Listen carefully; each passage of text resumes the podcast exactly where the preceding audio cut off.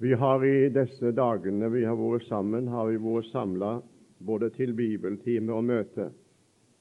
Og Bibeltimene det har vært emnet 'Et menneske i Kristus', og kveldsmøtene har vi hatt emnet 'De siste tider i Bibelens lys'. Jeg vil gjerne personlig få lov å takke fordi jeg fikk lov å komme. Og Har du fått noe ut av disse bibeltimer og møter, så må du la takken gå til til tronen. Det er Herren som har gitt nåde da, og gitt deg noen ting, ikke meg. Skal du gi ære for det. Men eh, nå skal vi, er vi kommet til den siste dagen, jeg tror jeg vil si den siste høytiden, og det har vært høytid for meg personlig. Og Da vil jeg gjerne prøve å samle det litt, disse to emnene. Et menneske i Kristus og de siste tider i Bibelens lys. Så får vi samle det liksom i, et, i, en, en, enhet og spørre er det en forbindelse mellom mennesket i Kristus og de siste tider. Da vil jeg gjerne få lov å si det vi skal snakke om nå i formiddag. Det er det som egentlig er målet med mennesket i Kristus. Det er det som er Guds plan og mål med alle mennesker som han har fått ført over og satt over i Kristus. Og det er det som hører nå den nære framtid til i disse siste dager. Nå skal vi lese fra 1. Peters brev, kapittel 1. Og Der vil jeg da understreke spesielt den sannhet som står i vers 5. Og Dette gjelder mennesket i Kristus. Det gjelder deg som er en kristen. Ja, det gjelder oss. Første Peters brev, det første kapittel, vers 3 og følgende. Lovet være Gud, vår Herre Jesu Kristi Far, som etter sin store miskunn har gjenfødt oss til et levende håp ved Jesu Kristi oppstandelse fra de døde til en arv som er uforgjengelig og uflekket og uvisnelig, og som er gjemt for dere i himlene. Dere som ved Guds makt blir holdt oppe ved troen, eller ved tro, står det her, til den frelse som er ferdig til å bli åpenbart i den siste tid. Derfor jubler dere av glede selv om dere nå er en liten stund, når så skal være, har sorg i mange slags prøvelser. Dette skjer for at deres prøvede tro, som er langt mer kostbar enn det forgjengelige gull, som jo lutres vil, skal finnes til lov og pris og ære ved Jesu Kristi åpenbarelse. Han som elsker dere, Ham elsker dere, enda dere ikke har kjent ham. Han tror dere på, enda dere nå ikke ser ham. Og dere fryder dere med en usigelig og herliggjort glede når dere vinner frem til endemålet for deres tro, sjelenes frelse. Amen. Dere som ved Guds makt blir holdt oppe ved tro til den frelse som er ferdig til å bli åpenbart i den siste tid. La meg for det første si det her i formiddag at all frelse er ferdig hos Gud. Det er ingenting som mangler. Det er komplett. Og når Jesus hang på Golgata kors, så sa han det er fullbrakt, eller det er fullført. Og Da vil jeg gjerne understreke det. Da er hele frelsesverket og grunnlaget for hele frelsesverket brakt til veie. Det er ingenting som mangler. Og Jeg vil gjerne si det her, det er en vidunderlig sak å kunne få lov å se det Johannes 1930 der Johannes, Jesu disippel, står nede under korsets, ved korsets fot og hører Jesus si dette. De andre evangelistene er bare å si han ropte høyt, og så utånda han. Han sa noen ting, men vi hørte det ikke. Det var liksom ute i periferien. En av evangelistene sier det at det siste Jesus sa, det var I dine hender overgir jeg min ånd. Og så hørte ikke han noe mer. Johannes står nede ved foten av korset, og så hører han Jesus sie, det er fullbrakt. Og takk skal du ha, Johannes, fordi du sto der. Og La meg få si det i en parentes.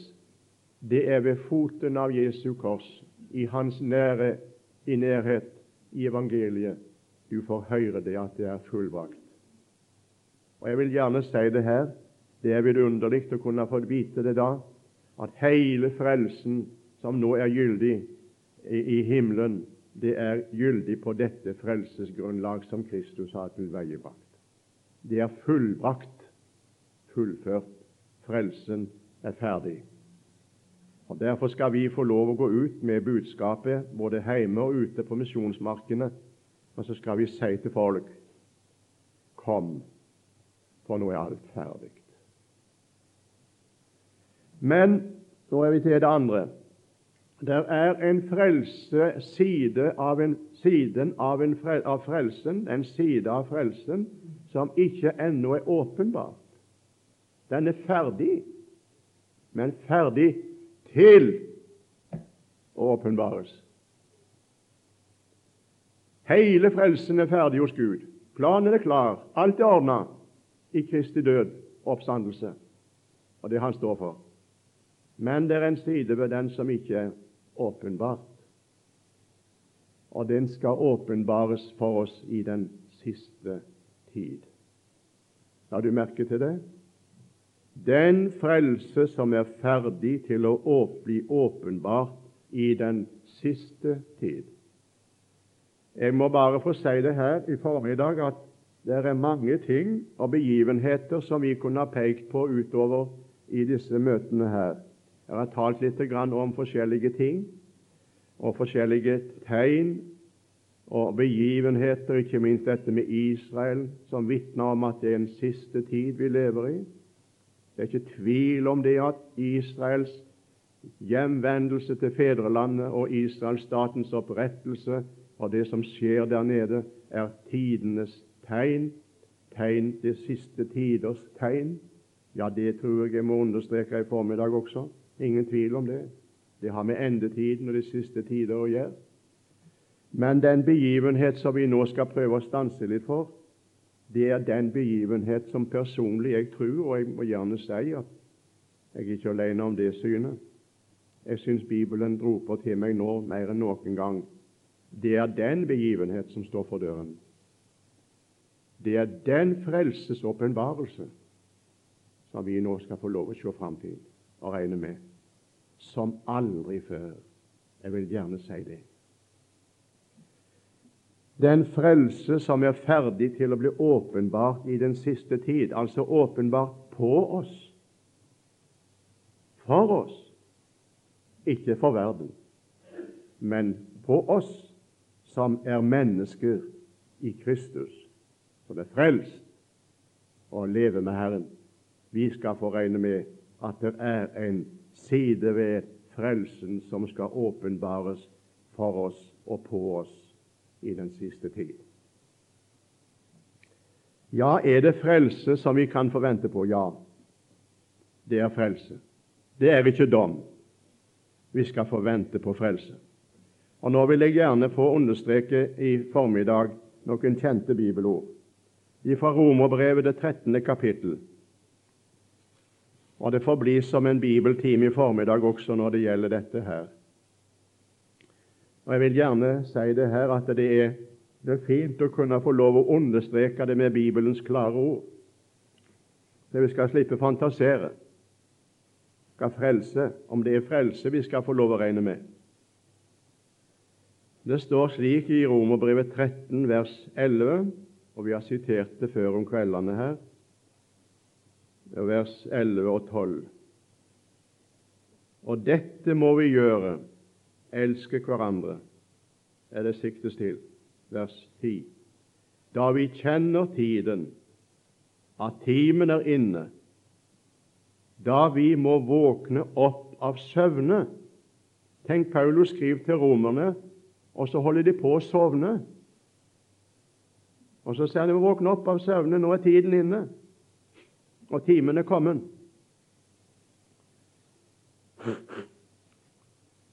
For frelsen Legg merke til det.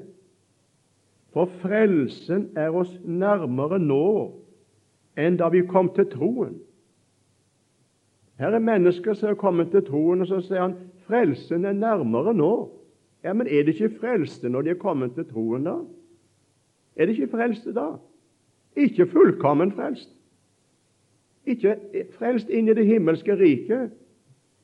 Ikke nådd målet, men vi er kommet inn på grunnen. Vi er frelst, vi er på veien dit. En frelse som venter der framme. Den fullkomne frelse som også hebreerbrevets forfatter bruker når han sier det i, 5, i 7.25. Derfor kan han også fullkomment frelse alle dem som kommer til Gud ved ham. Frelsen er oss nærmere nå enn da vi kom til troen. Det lir med natten det stunder til dag. Slik taler apostelen. Og Vi kan også gå til Hebreerbrevets niende kapittel, Hebreerbrevet 9, vers 28. Ja, 27 og 28. Der apostelen eller Hebreerbrevets forfatter sier det slik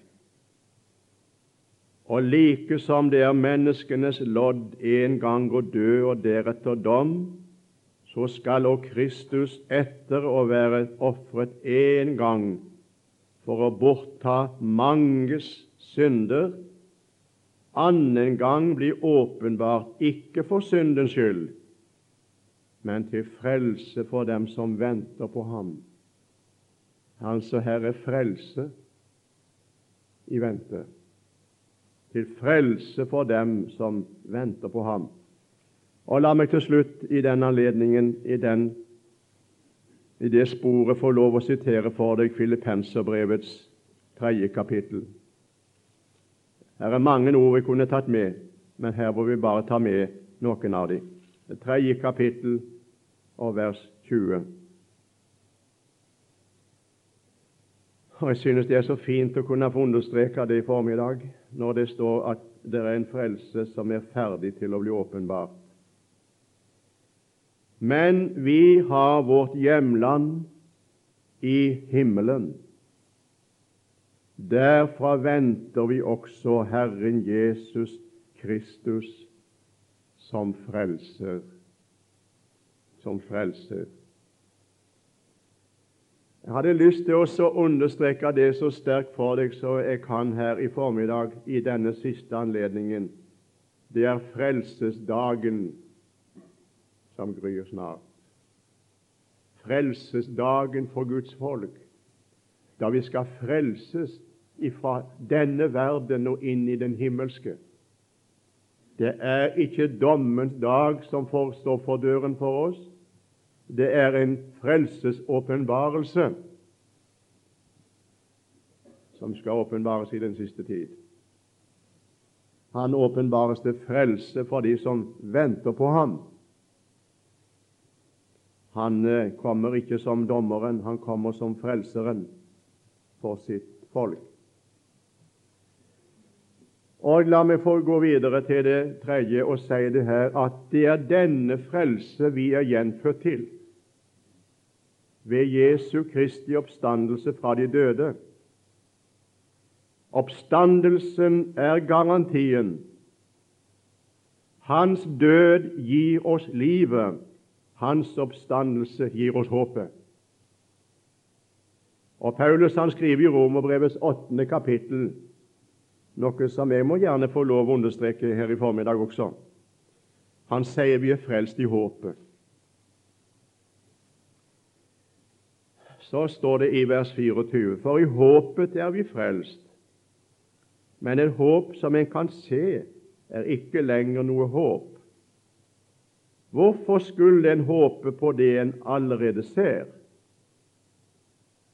Men dersom vi håper på det vi ikke ser, da lengter vi etter det med tålmodighet.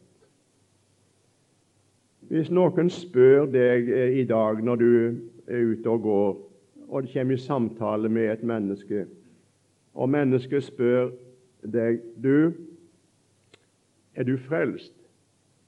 Hva vil du svare da, som troende menneske? Vil du svare det som noen svarer? Jeg håper det det. Nei, det skal du ikke svare. Du skal ikke svare hvis det at du, du har tatt imot Jesus og tror på Han. Så skal du ikke si 'det håper jeg'. Nei, det skal du si. Hva skal du si? Det tror jeg. Jeg tror jeg er frelst. Men hvis noen spør deg, og du sier jeg er gjenfødt av, av Gud, ved Guds ord, som vi hørte ved åpningen Men hvis noen spør deg tror du at du når himmelen, tror du at du skal bli frelst og salig for evig, da skal du si jeg er frelst i håpet. Det håper jeg. For håpet er for tro at jeg er frelst, men jeg håper på den fullkomne frelse, for jeg er frelst i håpet. Og La meg få lov å si det her i dag.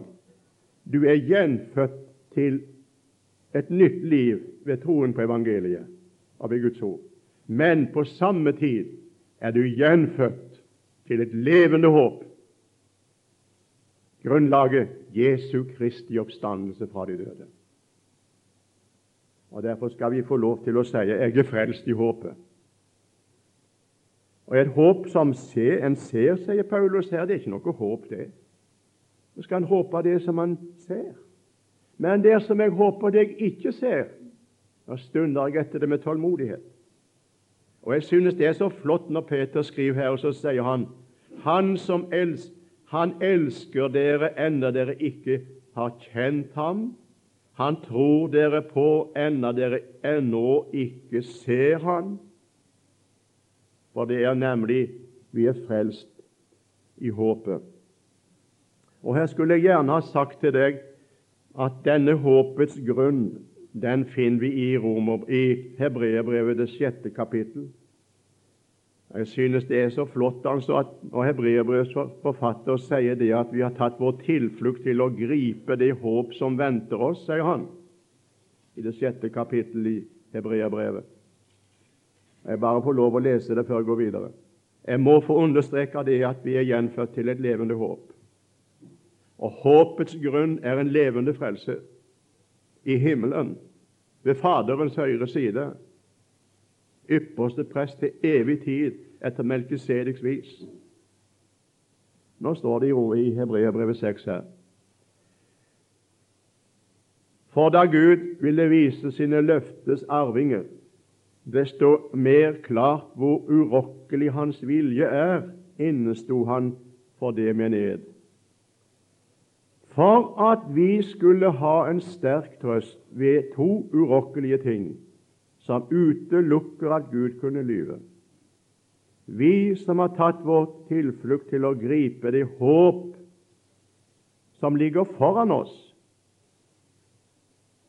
Dette håp, altså, har vi som et anker for sjelen, et som er trygt og fast, og når inn til det som er innenfor bak forhenget der Jesus gikk inn som forløper for oss, han som ble ypperste prest til evig tid etter Melkisedeks vis. Vi har et levende håp. Vi er gjenfødt til et levende håp fordi at håpet er grunna i en levende frelse. En som har stått opp ifra de døde, og som lever i himmelen hos Gud og hver eneste sjel som er gjenfødt til evangeliet til å bli et Guds barn og bli frelst i denne verden, har fått sitt ankerfeste der. Du er, du er trygg fordi saken er nemlig den ankeret for sjelen din, troende venn, er ikke her på denne jord. Ankerfeste, og du vet hva et anker er, og hva et ankerfeste betyr. Håpet. Du er gjenfødt til et levende håp, og ankerfestet for sjelen din er innenfor bak forhenget, der Kristus gikk inn. Det er Guds anker, bunn og grunn for de mennesker som er i Kristus, innenfor bak forhenget. Derfor er vi gjenfødt til et levende håp. Og så kommer vi til spørsmålet, og det er vidunderlig. Hva er det da denne frelse går ut på? Den frelse som er ferdig til å bli åpenbart i den siste tid, hva går den egentlig ut på? Før jeg nevner det, vil jeg få lov å nevne her dere noe veldig stort, synes jeg. Jeg er så takknemlig for Peter skriver dette her. Han sier hva troen er for noen ting. La du merke til han sier hva troen er. Hva er troen for noen ting? Det er en levende, Gud gjenfødte tro. Det er en tro som vi får lov å eie i våre hjerter. Hva er det for noen ting? Ja, Her kunne vi gjerne hatt en bibeltime og spurt hva er troen? Hva er troen? Den prøvede tro, den kjempende tro, den hvilende tro. Hva er troen for noen ting? Hør det, troende venner. Dette er altså viktig for oss å ta med i formiddag. Troen er en gave fra Gud, ja. Troen er et Guds verk, ja. Men gjennom ved at jeg og du har fått troen i våre hjerter Vil du høre det nå? Holder Gud oss oppe ved sin makt. Troen er en Guds makt over hjertene. Troen er en Guds makt i ditt liv. Gi Han den makten. Jeg sier det rett ut. La oss gi Han den makten ved at vi tar til oss og tror for har vi virkelig fått troen i våre hjerter, må den få næring og vekse og bli sterk. Og det vil jeg gjerne ha sagt her dere som ved Guds makt blir holdt oppe ved troen til den frelse som er ferdig til å bli åpenbart i den siste tid. Og her er det vel nemlig det, er det alvorlige i våre dager det er nemlig dette her det er så mange røster som vil ta troen ifra oss. Troen på Guds ord. Og Jeg sa det i går kveld, jeg vil, jeg vil si det i formiddag også. La ikke verden og la ikke, la ikke alle røster og alle, alle, ting som kommer inn i, i bildet av alle slag, være med å ta troen på Guds ord ifra deg. Men, men tro det slik som det står, kjære venner. Ta Gud på ordet, og du får oppleve Han, at Han er bak sitt ord. Han er ordet i ordet. Og gjennom ordet og troen på ordet opplever du Guds makt i ditt liv. Han holder deg oppe. Men hva er det egentlig nå som eh, skal skje, da? Hva er det egentlig den begivenheten? Jeg vil få lov å nevne eh, to-tre ting nå til slutt. Hva er det egentlig som forestår? For det første så vil jeg si det her at eh, det, den frelse som er ferdig til å bli åpenbart i den siste tid, det er den frelse som Paulus skriver om i Galaterbrevet 1. Eh, og der, der, taler han om det i det fjerde verset. Han sier det er nemlig det som er Golgata-verkets Han sier det er Golgata-verkets sikte, hvorfor Kristus døde for oss, sier han. Han slår til lyd allerede i første kapittel i Galaterbrevet. Og så sier han det slik Han som gav synder Hvorfor gjorde han det? For å fri oss ut fra den nærværende, vonde verden etter vår Guds og Fars vilje. Han som gav seg selv for våre synder for å fri oss ut fra den nåværende vonde verden, etter Guds og far, vår Fars vilje. Altså Her er det en utfrielse som går ut på faktisk talt å bli utfridd fra den nærværende eller nåværende vonde verden, og det er Guds og Faderens vilje. Så her er nemlig frelsesspørsmålet når det gjelder dette å være frelst, å være en kristen, å være et menneske i Kristus, som vi har talt om i bibeltimene her, det som det siktes til hele tiden, ifra Jesu komme, Jesu død, Jesu oppstandelse, Jesu himmelfart, og at Gud setter oss over i Kristus, og vi får leve vårt liv der, det er at vi en dag skal få lov å bli fridd ut fra den nåværende vonde verden. Og Jeg vil gjerne få lov å spørre dere venner er verden vond? Er verden vond? Hele verden ligger i det vonde, sier Johannes i sitt brev. Hele verden ligger i det vonde. Vet du hvem som er verdens fyrste? Er det Gud? Nei, det er djevelen. Denne verdens fyrste. Denne verdens Gud. Og Jeg vil gjerne si det her, dere.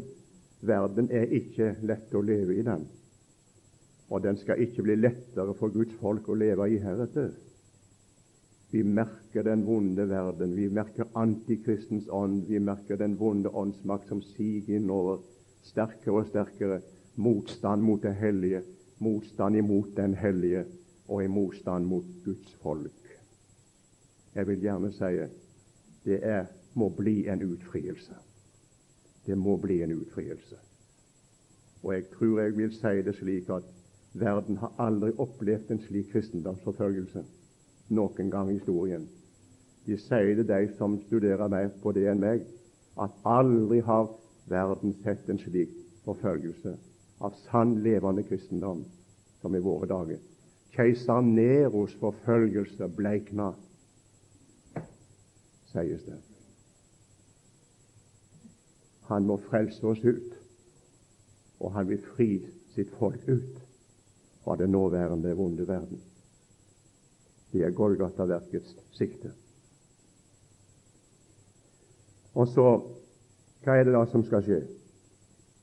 Ja, det andre jeg vil understreke her i dag, om vi bare holder det i en disposisjon her, det er nettopp det som apostelen taler om. Han sier vi skal frelses fra det dødelige og forgjengelige. Han taler om de dødes oppstandelse, og han taler om de troendes forvandling. La meg få lov å si det er det som nå står for døren. Jeg kjenner det slik i min ånd, og jeg tror jeg vil gjerne understreke det, at første, første Korinterbrev kapittel 15 og første Tessaloniker 4 er hemmeligheter hemmeligheter som Gud har åpenbart for apostelen. Du kan ikke finne det noen sted i evangeliene. Ingen plass. En eneste gang prøvde Jesus å tale med disiplene sine om at han skulle komme og hente dem og ta dem til seg, og at de skulle være der han er. Han fikk ikke respons. Det var ganske umulig. Vi vet ikke hvor det går hen. Hvor skal vi da vite veien? Og så sier Jesus det lenger ute i samtalen med sine disipler. Jeg har mye jeg skulle sagt dere ennå. Jeg kan ikke bære det nå. Men når talsmannen kommer, Den hellige ånd, som Faderen skal sende i mitt navn, han skal minne dere, spesielt apostlene, minne dere om alt jeg har sagt dere, og han skal forkynne dere de tilkommende ting. Og så kan Paulus sette seg ned, og så skriver han til korinterne Jeg sier dere en hemmelighet. Eller som han sier i 1. Saloniker 4 Jeg sier det med et ord fra Herren. Det er ingenting som apostlene har fått tidligere. Det er Paulus som har fått det klart sagt og åpenbart om den frelse som nå forstår for døren. Jeg skal lese fra 1. Korinterbrev først, kapittel 15, vers 49. Og like som vi har båret bildet av den jordiske, altså Adam, har vi båret det? Ja, det har vi. Og det gjør vi. Men så skal vi også bære bilde av den himmelske Adam, den nye Kristus. Men det sier jeg, brødre, kjøtt og blod kan ikke arve Guds rike. Heller ikke skal forgjengelighet arve uforgjengelighet. Se, jeg sier dere en hemmelighet, en Kristi hemmelighet. Kristus har åpenbart det for ham. Vi skal ikke alle sovne inn, men vi skal alle bli forvandlet. I et nu i et øyeblikk ved den siste basun. For basunen skal lyde, og de døde skal oppstå uforgjengelig, og vi skal bli forvandlet. For dette forgjengelige må bli ikledd uforgjengelighet, og dette dødelige må bli ikledd udødelighet.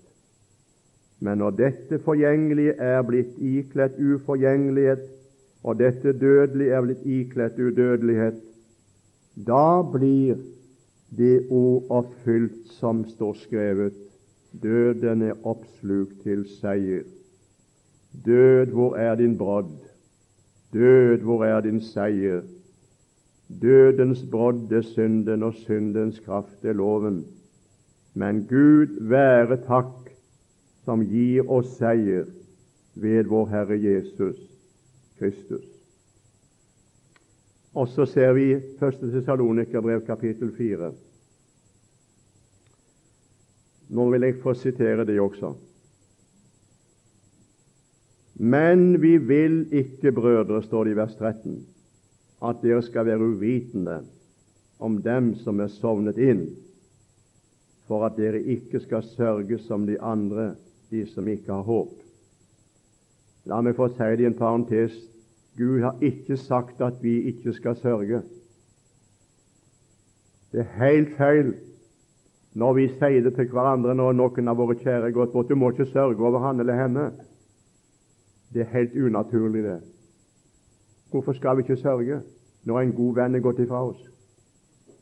Hvorfor skal vi ikke sørge når han mistet sin ektemake? Hvorfor skal han ikke sørge når han har mistet sine kjære barn? Er det unaturlig å sørge? Nei. Det er det ikke. Det er naturlig.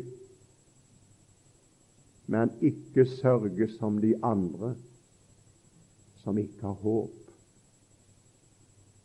Er dine gått hjem til Gud, så kan du sørge over dem. Og det tomrommet, det er sannelig stort. Men du skal ikke sørge som de andre. Ikke som de andre, for du har håp, nemlig. Skal du høre? For så sant vi tror at Jesus døde og oppsto, så skal Gud ved Jesus også føre dem som er sovnet inn, sammen med ham. For dette sier vi dere. Nå spør jeg, har du lest det i evangeliet noen plass? Har du lest det i Matteus evangeliet? Johannes evangeliet? Nei. Det er åpenbarelser som Paulus har fått. For dette sier vi dere med et ord av Herren. Og nå vil jeg få lov å anvende det på den måten å si at Herren sier til Paulus Paulus, nå må du skrive. Eller sekretæren hans. Paulus fikk det iallfall klart beskjed, og så ble det nedskrevet. Hva skal jeg skrive? De som lever og blir tilbake inntil Herren kommer, skal aldeles ikke komme i forveien for dem som er sovnet inn. Skriv, Paulus, for Herren selv skal komme ned fra himmelen. Jeg skal komme ned fra himmelen med bydende rop, med overengels røst og med Guds basun. Og så skal du skrive, Paulus, de døde i Kristus skal først stå opp. Har du funnet det i evangeliene? Nei. Jeg synes det er flott. Det er åpenbart etterpå. Deretter skal vi som lever, som blir tilbake sammen med dem, rykkes opp i skyer. Ikke i skyer av, av, av vanlig naturlig art, men rykkes i skyer. Der blir ei sky over Viavågen. Der blir ei sky over Åkerhavn. Det blir ei sky her og ei sky der, og rykkes i skyer opp i luften sammen med dem som døde i troen på Jesus. Skyer opp i luften for å møte Herren. Så skal vi alltid være sammen med Herren. Så må det skremme hverandre med disse ord. Nei, nei. Trøste, ja. Er du, er du redd når du hører dette? Er du redd når du hører at de døde i Kristus skal stå opp fra sine graver? De døde i Kristus skal først oppstå. Er du redd for det? Nei, jeg er ikke det. Jeg har noen som er la ned i grav. Jeg er veldig glad når jeg står på kirkegården altså, og ser den grava til mor der, og bestemor, og brødrene mine. Og så vet jeg det at en dag så skal disse gravene åpnes. De døde i Kristus skal først oppstå. Det er ingen, ingen redsel for meg. Det er en veldig, en veldig trøst. Og så skal jeg sammen med deg, om jeg får lov å leve til Jesus kommer, rykke seg skyer opp i luften for å møte Herren. Så skal jeg være sammen med Herren. Trøst av hverandre med disse ord. Jo da, her er en, her er en, en frelsesåpenbarelse som aldri vi har sett maken til, altså. De døde skal bli ikledt udødelighet, og det forgjengelige skal bli ikledt uforgjengelighet. Det er noe som vi kan få lov å regne med, venner, i de siste tider. Det er klart og tydelig sagt. Jeg tror jeg ville si det at jeg sto på gravbakken hjemme i Sveio i Førde i 1932. Det er lenge siden. Da så jeg ei kiste som ble senka ned i grava. Det var bestemor. Jeg sto der som guttunge og så ned på kransene og den gule kista, eikekista, av bestemor. 30 år etterpå, i 1963, sto jeg på samme grav og så ned i samme grav. Og Da var det mors kiste som var senka ned i samme grava. Graveren han sa det til meg, du fant ingenting av bestemor i sin kiste engang. Det var ingenting igjen. Så når jeg grov opp grava, så var det helt, helt vekke alt sammen for hun som ble begravd i 1932. Så senkes mors kiste ned, og så står jeg der sammen med kona mi og familien, og så ser vi ned på mors kiste. Og så kom tanken de døde i Kristus skal først oppstå. Er det mulig? Hvor ble bestemor av? Og nå er det 30 år siden, og vel så det, siden mor døde. Og jeg må gjerne si det her, eller bortimot det. Jeg må gjerne få lov å si det her, at det er veldig å se på det, at her er det ikke mye igjen av henne heller. Legemet ble til moll, kista er forsvunnet, sikkert. Og du, så står jeg der og så sier jeg, kjære Gud, er det en mening med dette? Er det en mening med dette? Det, kan jeg forstå dette her? at de døde i Kristus skal først stå opp. Og så skal det skje en forvandling med, med, med oss, og så skal vi rykkes i skyer opp i luften. Er ikke, dette, er ikke dette fantasi? Er ikke dette eventyr? Kan jeg tro på dette? Kan jeg regne med dette? Og mens jeg står der, så kom sola akkurat. Det var høstdagen i september. Så kom sola liksom kasta sine stråler ut over gravbakken. et lite glimt var skydekket, men så kom sola igjen og brøt igjennom, og så traff solstrålen akkurat der vi sto. Så ble det så talende til meg. Og så kom det sangverset. Jeg vet meg en morgen lys og skjønn. Det synges i livsens lunde. Da kommer den Guds velsignede Sønn med lystelige ord i munne. Da vekker han oss av graven opp, av Gud i så sele stunde. Da åpnes en dør til himmelens hall. Det nevnes de kårnes navne. Og så synger sangeren Gi vi alle må, må, må, være samles der, og ingen av våre savne. Det give oss Gud for Jesu blod vi måtte i himmelen havne.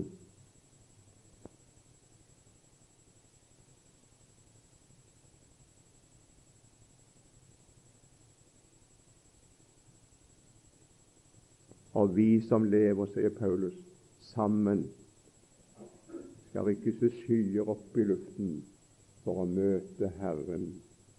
Og så skal vi alltid være sammen med Herren og med hverandre.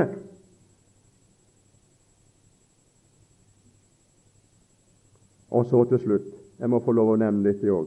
Hva er det vi skal frelses ifra nå?